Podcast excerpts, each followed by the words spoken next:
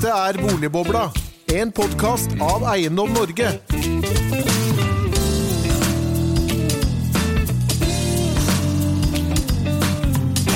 Hjertelig velkommen til en ny episode av Boligbobla, denne gang om rentefakter og boligmarkedet 2021. For etter den lengste moderate prisutviklingen i boligprisstatistikkens historie fra 2017 til 2019 har boligprisene etter koronautbruddet og nullrentebeslutningen i mai skutt fart og gitt en bred oppgang i boligprisene over hele landet. Ingen har truffet på sine prognoser for boligprisene i 2020, og de fleste så få seg en langt eh, mer moderat utvikling enn det som er blitt fasiten. I årene før korona var boligmarkedet etter mange syn i sjelden god balanse mellom tilbud og etterspørsel. Så kom korona og forstyrret dere. Hvor skal boligmarkedet nå, spør vi og gjør en sterk ut, for sterk utvikling i boligmarkedet at Norges Bank vil sette opp renten allerede i 2021. For å få oss gjennom dette utmerkede temaet har vi fått noen flotte gjester. Vi har fått med oss ph.d.-stipendiat med NMBU, Mari Mamre, hjertelig velkommen til deg. Takk. Og vi har fått med oss sjefsøkonom i Svedbank, Øystein Børsum, hjertelig velkommen til deg. Takk skal du ha. Og ved min side, som, som alltid, så sitter du, Henning Lauritzen, hjertelig velkommen. Takk, takk. Du har, uh, har en fersk prognose fra oss. Det har jeg. Det har for jeg. uh, boligmarkedet 2021.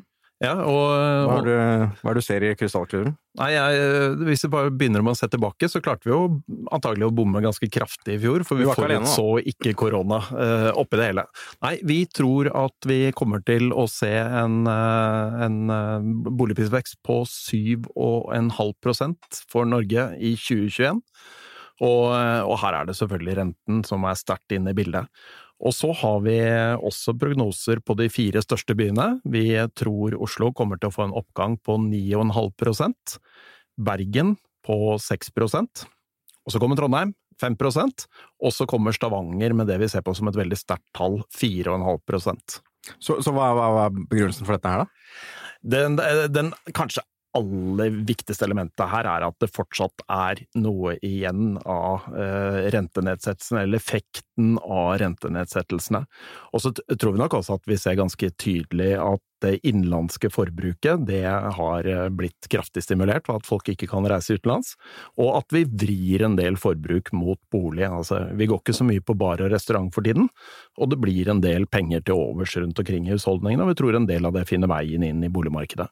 Men god balanse mellom tilbud og etterspørsel var jo liksom tilstanden i årene vi har sett eh, bak oss. Eh, Hvordan ser det ut nå, da? Vi, vi, jo, vi, vi ser jo at uh, tilbudssiden, antall boliger til salg, går ned i Både for landet og, og for de store byene.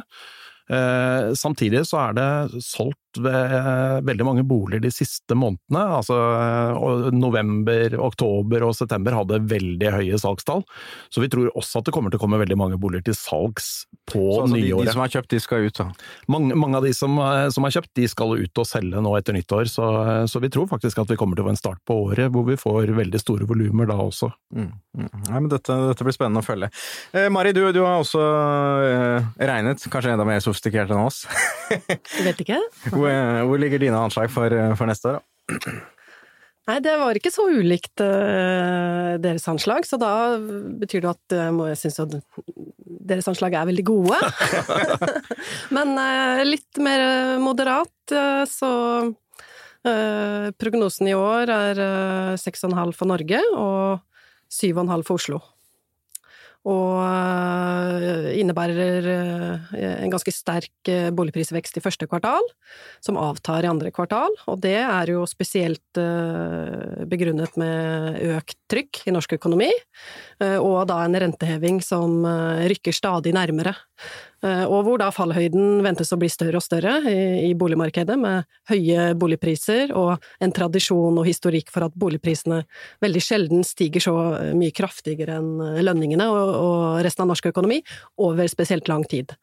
Og at vi da får en et fall i da tolvmånedersveksten, men ikke et fall i boligprisene, men at veksten tar seg Mm. ned resten av året. Øystein, hvordan låter dette i din bok? Jeg syns dette låter omtrent riktig. 5-10 økning eh, gjennom året som kommer. Svakest i Stavanger, eh, sterkest i Oslo. Det er omtrent det vi ser eh, nå. Og jeg tror at den trenden vi ser nå, den har vi god grunn til å tro skal fortsette neste år. Mm. Renten er jo, er jo liksom alle, alle enige om er X-faktoren her eh, i, i boligmarkedet, sånn som det står nå. Var- det feil av Norges Bank å sette ned renten allerede til null i mai? Ja, det er jo ekstremt å sette styringsrenta helt til null, eh, men det var en ekstrem situasjon de var oppe i også. Og jeg tror det er, eh, er viktig å huske på at sentralbanken de må ta vanskelige beslutninger der og da. Eh, Og midt i, midt i pandemien der på vårparten, så var det utvilsomt riktig å sette renta kraftig ned.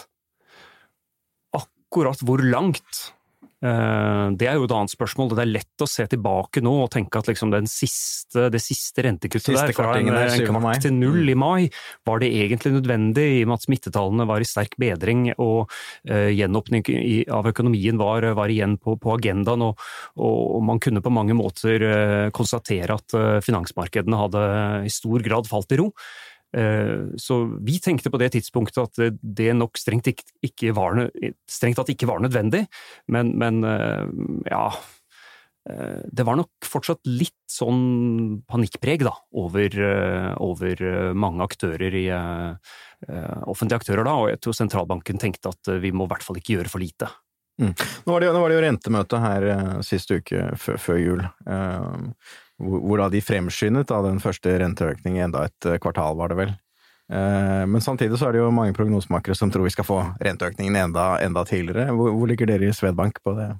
Nei, Vi har snakket om dette siden, helt siden i sommer, at vi tror at renteoppgangen kommer i, eh, i 2021. Og, og grunnen til det er jo egentlig basert på en, et veldig positivt syn på den økonomiske utviklingen og på løsningen av hele eh, smitteproblematikken.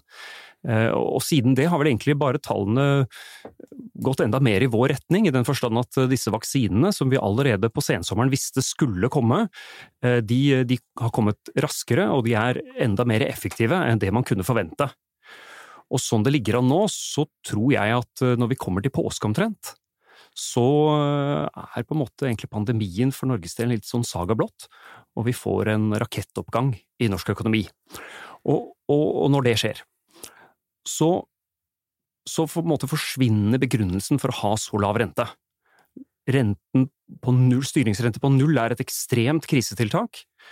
Og når økonomien da tar av igjen, inflasjonen er sånn røftlig på målet, og boligmarkedet går, eh, går en kule varmt, så, så tror, tror jeg at det, er, det blir en enkel sak å konkludere med at riktig stabiliseringspolitikk er å komme i gang med, eh, med noen første renteøkninger eh, allerede neste år. Så allerede rentemøte i juni er det vel, så ser du for deg noen nye signaler kanskje? Eller? Ja, jeg tenker at øh, signalene bør i hvert fall ha kommet til juni, og i september tenker jeg at det kan være allerede på tide å trykke på knappen. Mm. Henning, det, er- det er jo dette som er forbeholdet i vår prognose, er det ikke det? Jo, det er jo det, er det som er forbeholdet i vår prognose. og det, er- det er jo sånn at øh, selv om vi skulle få en renteøkning mot slutten av året, f.eks. november, så, så har vi jo på en måte lagt til grunn at det får antagelig ikke noe stor innvirkning på, på den prognosen vi har satt.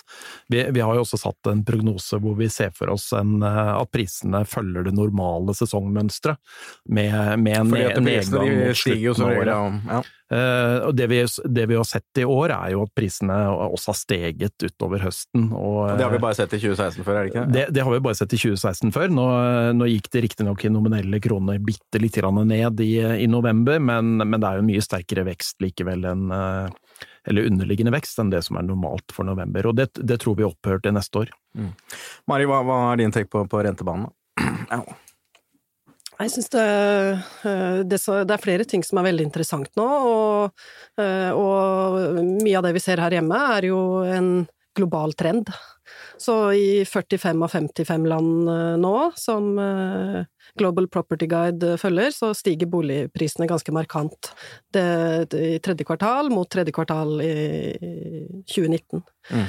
Eh, Og mange av de urbane områdene og bolig, boligmarkedet for hele landet eh, er fyrt opp av veldig lave renter, og da en forventning eh, om at eh, pandemien eh, vil gi seg, og dette kommer til å gå bra, eh, og en tillit som, eh, til, eh, til egen økonomi og landets økonomi som er eh, sterkere enn det pandemien eh, tilsier, da, kan en si.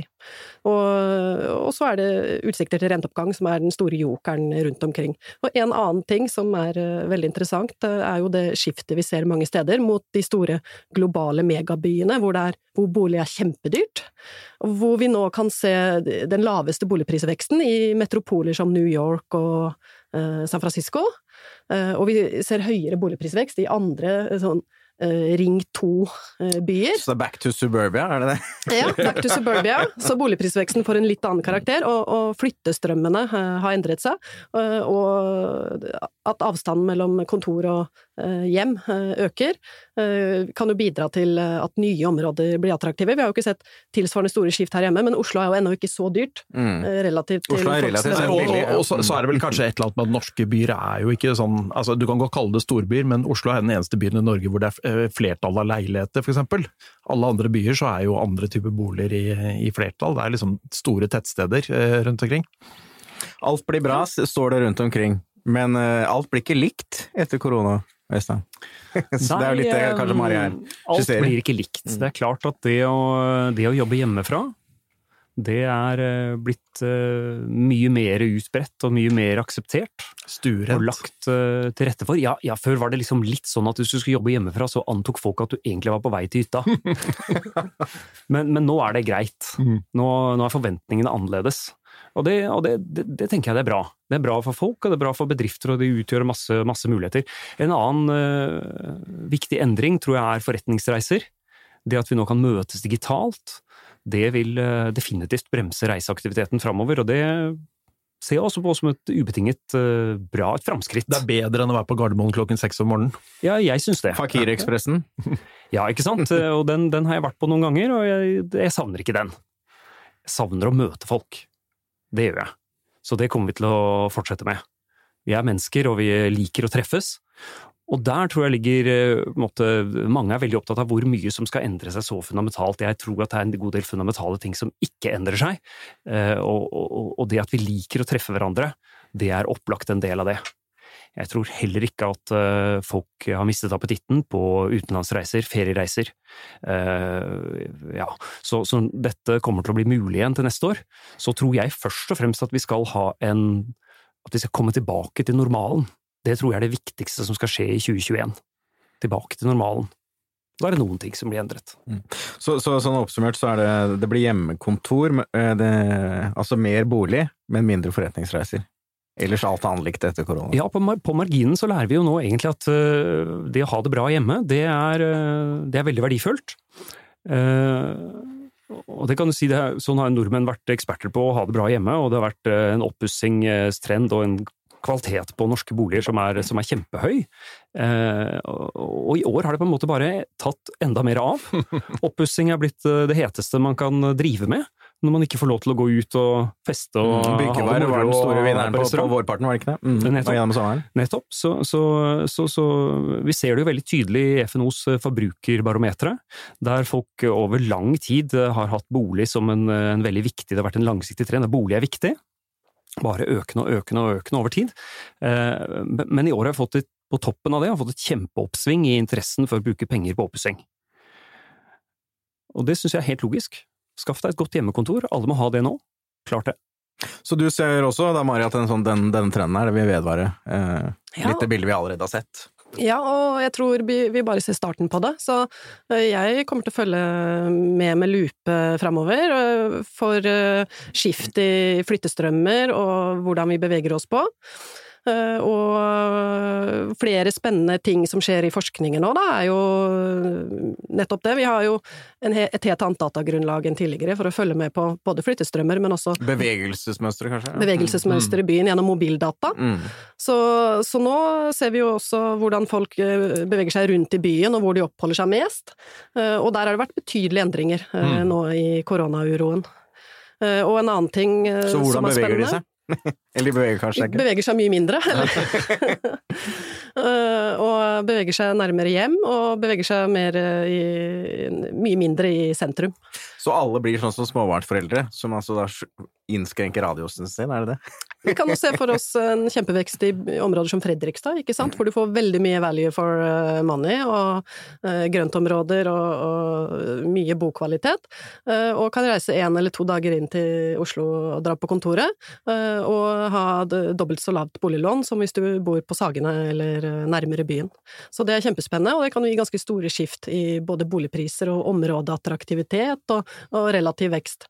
Og en annen ting som er veldig spennende, er jo det vi ser med makroøkonomien og boligmarkedet, som, eh, hvor man tidligere eh, har vært opptatt av altså, 'housing is the business cycle'. Mm. Så bolig drar med seg hele økonomien. Et berømt sitat av Edvard eh, Edvig Leamer, ikke det? Ja, ja. Fra etter finanskrisen. Ja, 2007 mm. og 2015. mm.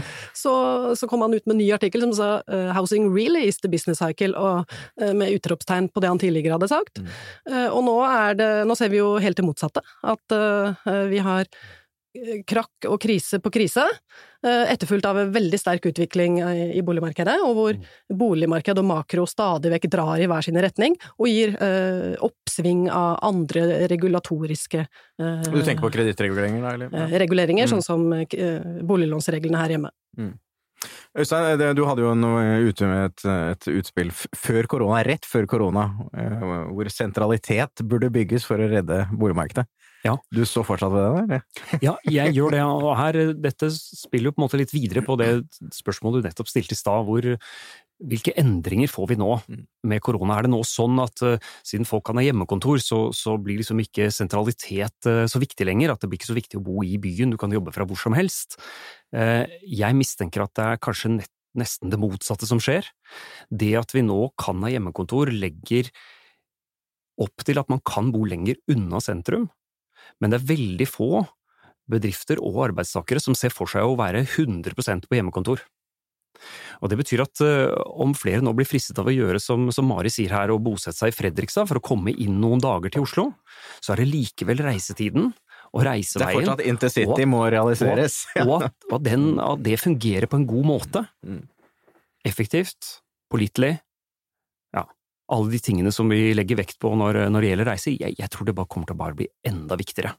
Og den trenden vi har sett nå gjennom året, eh, peker jo egentlig på at det er eh, Oslo som har, den, som har, den, sterkeste prisveksten. Jeg tror dette fungerer som en sånn økonomisk magnet, ikke sant?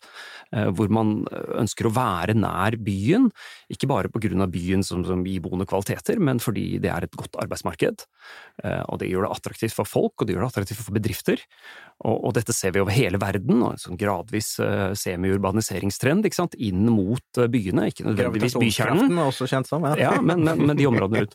Og, og, og det, vi bela, det, det, det, vi klarte å vise, synes jeg, på en god måte i denne studien, da, som uh, du så riktig påpeker, ble sluppet en uke før nedstengingen av Norge. ikke sant? Sånn det, den forsvant jo, det var et så viktig bidrag, syns jeg, beste analysen jeg har gjort hele året. Uh, den forsvant jo helt uh, fra, fra, all oppmerksomhet på grunn av korona.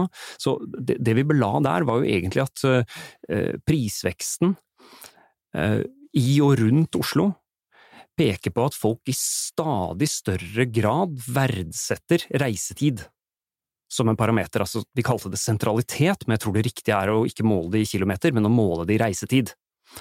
Og, og, og, og, da er det sånn sant, at prisnivået er gjerne høyere inne i byen enn det er i utkanten. Eh, og da kunne du tenke deg at liksom over tid skal det kanskje bli litt mer likt, men det er overhodet ikke det vi ser. Det vi ser er at prisveksten er sterkest også målt i prosent i de sentrale områdene. Og den eneste måten jeg får det til å gå opp på, er at folk nettopp verdsetter reisetid så mye. Mm. Og da kommer vi over til en sånn superviktig konsekvens for uh, boligpolitikken. Mm. Fordi det snakkes så mye om at vi må bygge mye, vi må bygge mer, og, og folk tenker på det som liksom antall boliger. Men det som virkelig skaper verdi for folk, er ikke bare antall boliger, men det er hvor de boligene da ligger, hvilke kvaliteter de boligene har. Og da er det sentralitet, reisetid, effektiv transport, det er det avgjørende. Det er det avgjørende, og det er dette jeg tror opplever at har manglet veldig i boligpolitikken i og rundt, særlig i Oslo, men jeg tror kan, man kan si det generelt for byene rundt om i landet.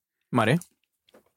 Det er veldig interessant, eh, og veldig interessant analyse. Det er også eh, det jeg har sett. Eh, og vi, ser det også, holdt jeg på å si.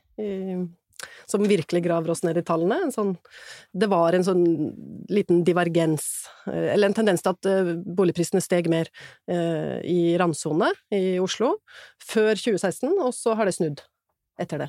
Med økte omsetninger og flere boliger eh, tilgjengelig, så, så, er det mye sterkere boligprisvekst eh, i de mest attraktive områdene. Men jeg tror også en interessant årsak til det, og også den veksten vi ser i antall førstegangskjøpere.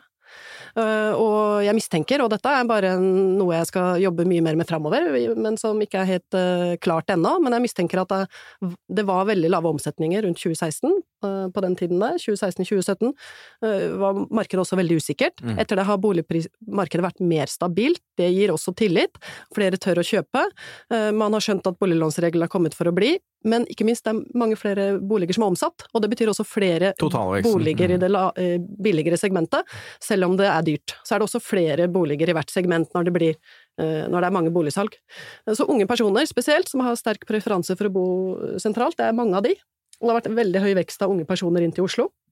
Eh, veldig mange som ønsker å studere og bo og jobbe i Oslo, eh, som i større grad har fått, hatt mulighet til å kjøpe bolig eh, når flere velger å flytte ut av barnefamilier og folk med plassbehov. Så frigjør man boliger til en veldig stor gruppe som har sterke, sterke preferanser for å bo sentralt. Mm. Og det gir et press. Men, men, nå var det jo, i hvert fall så langt i 2020, så, så er det jo omsatt drøye 6% flere boliger enn en noe tidligere år, 20, 2019. Så vi, vi, ser vel på en måte en, en vekst i boligkjøpet fra alle grupper i befolkningen, eh, antagelig i de tallene. Altså, hvis vi hadde skilt ut menn på 50, så hadde vi sikkert sett en vekst, og skiller vi ut kvinner, så ser vi en vekst. Er det førstegangskjøpere, så ser vi også en vekst. Mm. Men, men, det er vel ikke noe som særpreger seg her, er det det, på det, på det i det store bildet? Nei, nå Dette er litt uh, sånn på hypotesestadiet fra, fra min side, men uh, har, vi ser i hvert fall at uh, jeg har en artikkel nå i Tidsskrift for boligforskning nå neste utgave, og da har vi sett på utviklingen fram til 2019, ikke de siste 2020-tallene som Samfunnsøkonomisk analyse slapp nå. så har andelen førstegangskjøpere steget relativt til antall i aldersgruppen, men mm. ikke relativt til omsetninger. Nei, nettopp. Nettopp det du sa. Så omsetningen har steget såpass mye at førstegangskjøperne har uh, ligget uh, stabilt. De har hengt med? Hengt med, på linje med oss andre, men stadig, fått gjort stadig flere kjøp fordi det har vært såpass mange omsetninger. Og det har nok hatt mye å si for veksten vi har sett i det segmentet. Mm. Men vi, vi, ser jo også at etterspørselen etter bolig er jo, er jo enorm også jevnt over, over, over, hele fjøla. Eh, det jeg bet meg merke i var i fjor, altså dette bostart, første bostartsprosjektet til Obos, hvor de da, med sånn gjenkjøpsrabatt hvor prisene er, er 10% lavere eller noe sånt, så gikk jo hele første trinn umiddelbart. Og det forteller jo noe om at det er veldig mange, eh, både på Østlandet og også i andre deler av landet, som kan kjøpe bolig bare prisen er litt grann lavere. Ehm, hva sier egentlig det eh, om eh, kredittreguleringene, og liksom er de på riktig, riktig sted?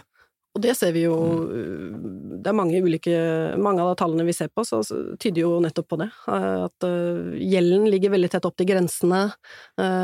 Folk tar ut 85 loan to value og låner nesten opp mot fem ganger inntekt, spesielt i de dyre områdene, av nye lån og man kan gjøre ganske små eh, rentenedsettelser, og veldig mange flere kommer seg inn i markedet. Så det er små marginer her på vinn eller forsvinn for å komme seg inn i det laveste prissegmentet i spesielt Oslo. Mm. Men dette er jo bekymringen på finansiell stabilitet, er jo egentlig dette spørsmålet, at da for mange unge ditt låner, spesielt unge da, er de som er mest sårbare, låner helt opp til, til grensene.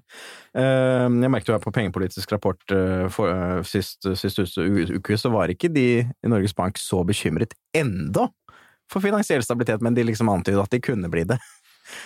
Ja, min, min lesning av det er at, den, ja, jeg tror Den riktige lesningen er at Norges Bank er alltid bekymret for mm. finansiell stabilitet.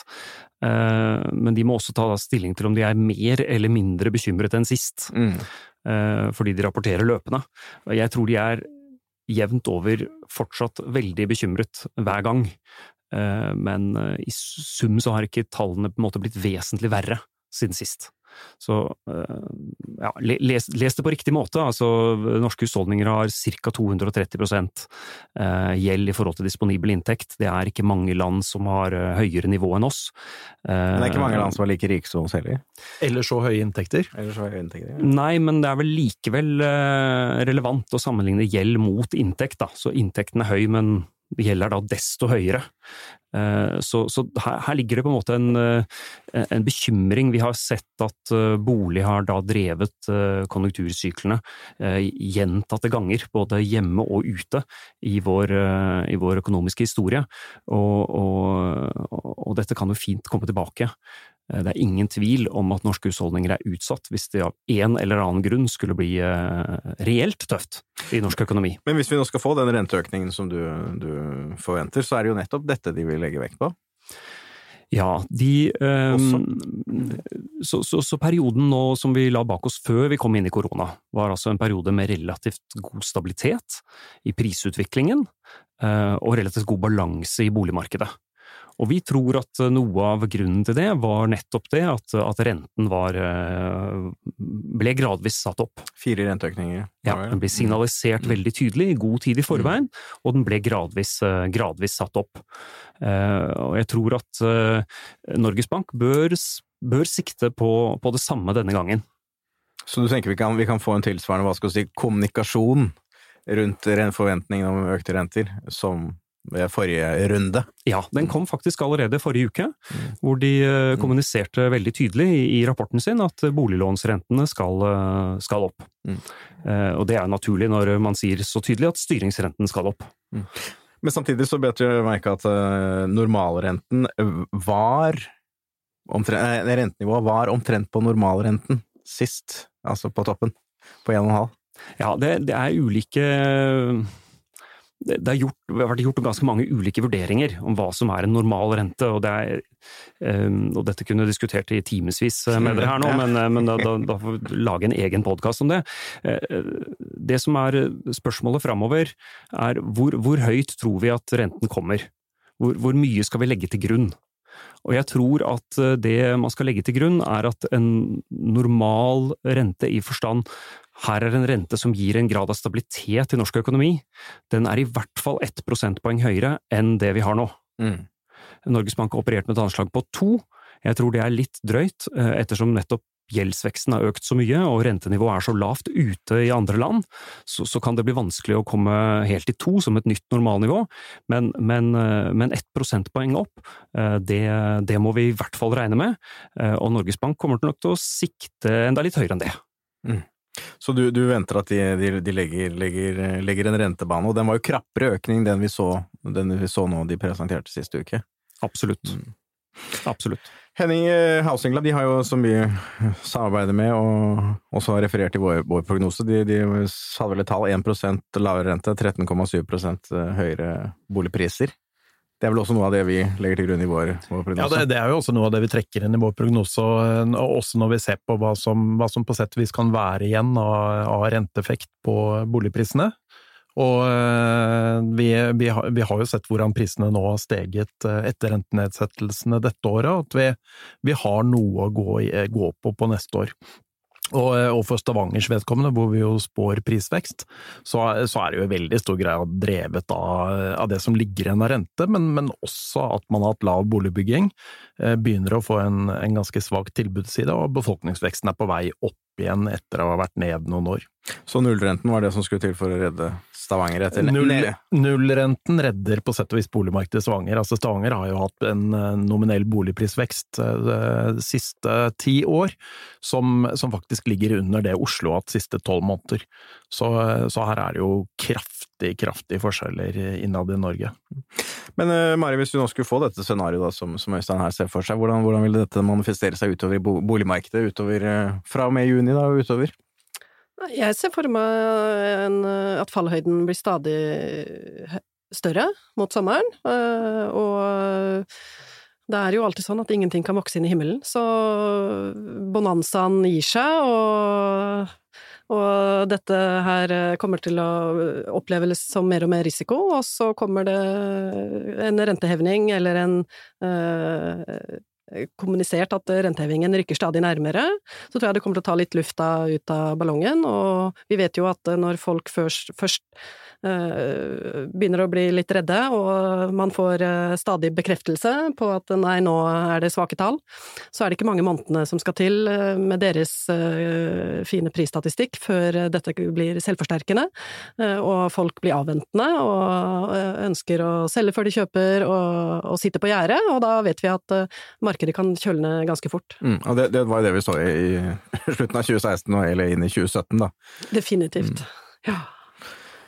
Henning, er du, er, du, er, du, er du, bekymret for vår prognose med tanke på de signalene fra Nei, jeg, jeg, fra Øystein? Eh, jeg, jeg, er nok ikke sånn spesielt bekymret for vår prognose. Det er, eh, det er jo også som, eh, som, vi diskuterte når vi satte prognosen, at det, det, kan godt tenkes at vi får en renteheving mot slutten av, av, neste år, uten at vi da trodde at det vil innvirke på det, det, tallet vi har sett i veldig stor grad. Og så kan det selvfølgelig komme til å bli seende annerledes ut hvis vi skulle få en renteheving allerede i juni, for eksempel. Men det hørte jeg at Øystein ikke trodde på, så, så da, da, venter vi at den tidligst kommer på høsten. Mm. Nei, eh, tiden går jo fort her i podkaststudio. Vi må begynne å nærme oss en, en, eh, landing. Eh, vi har alltid noen faste spalter til våre, våre gjester her. Det er din, din, første bolig. Hva kjente du, hva følte du, hva, hva betalte du, kan du også si. Eh, Mari, du har vært med før. Jeg kan jo begynne med deg, Øystein. Hva var din, din første bolig? Vi fikk jo høre her at du også hadde begitt deg ut i boligmarkedet nå post korona, så du kunne kanskje ta den også? Ja, jeg kan ta den også. Nei, første bolig det er 2000 og, første kjøp av bolig 2005, en leilighet eh, på Sagene. Eh, den kjøpte vi for eh, vel to millioner, og solgte for vel det dobbelte sju år seinere.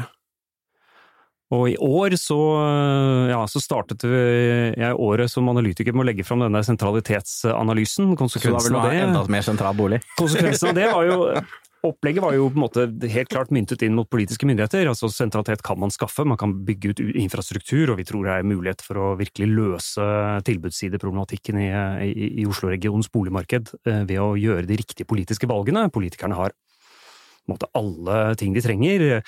Områderegulering, bygging, infrastruktur, alt dette kan, kan de løse hvis de vil.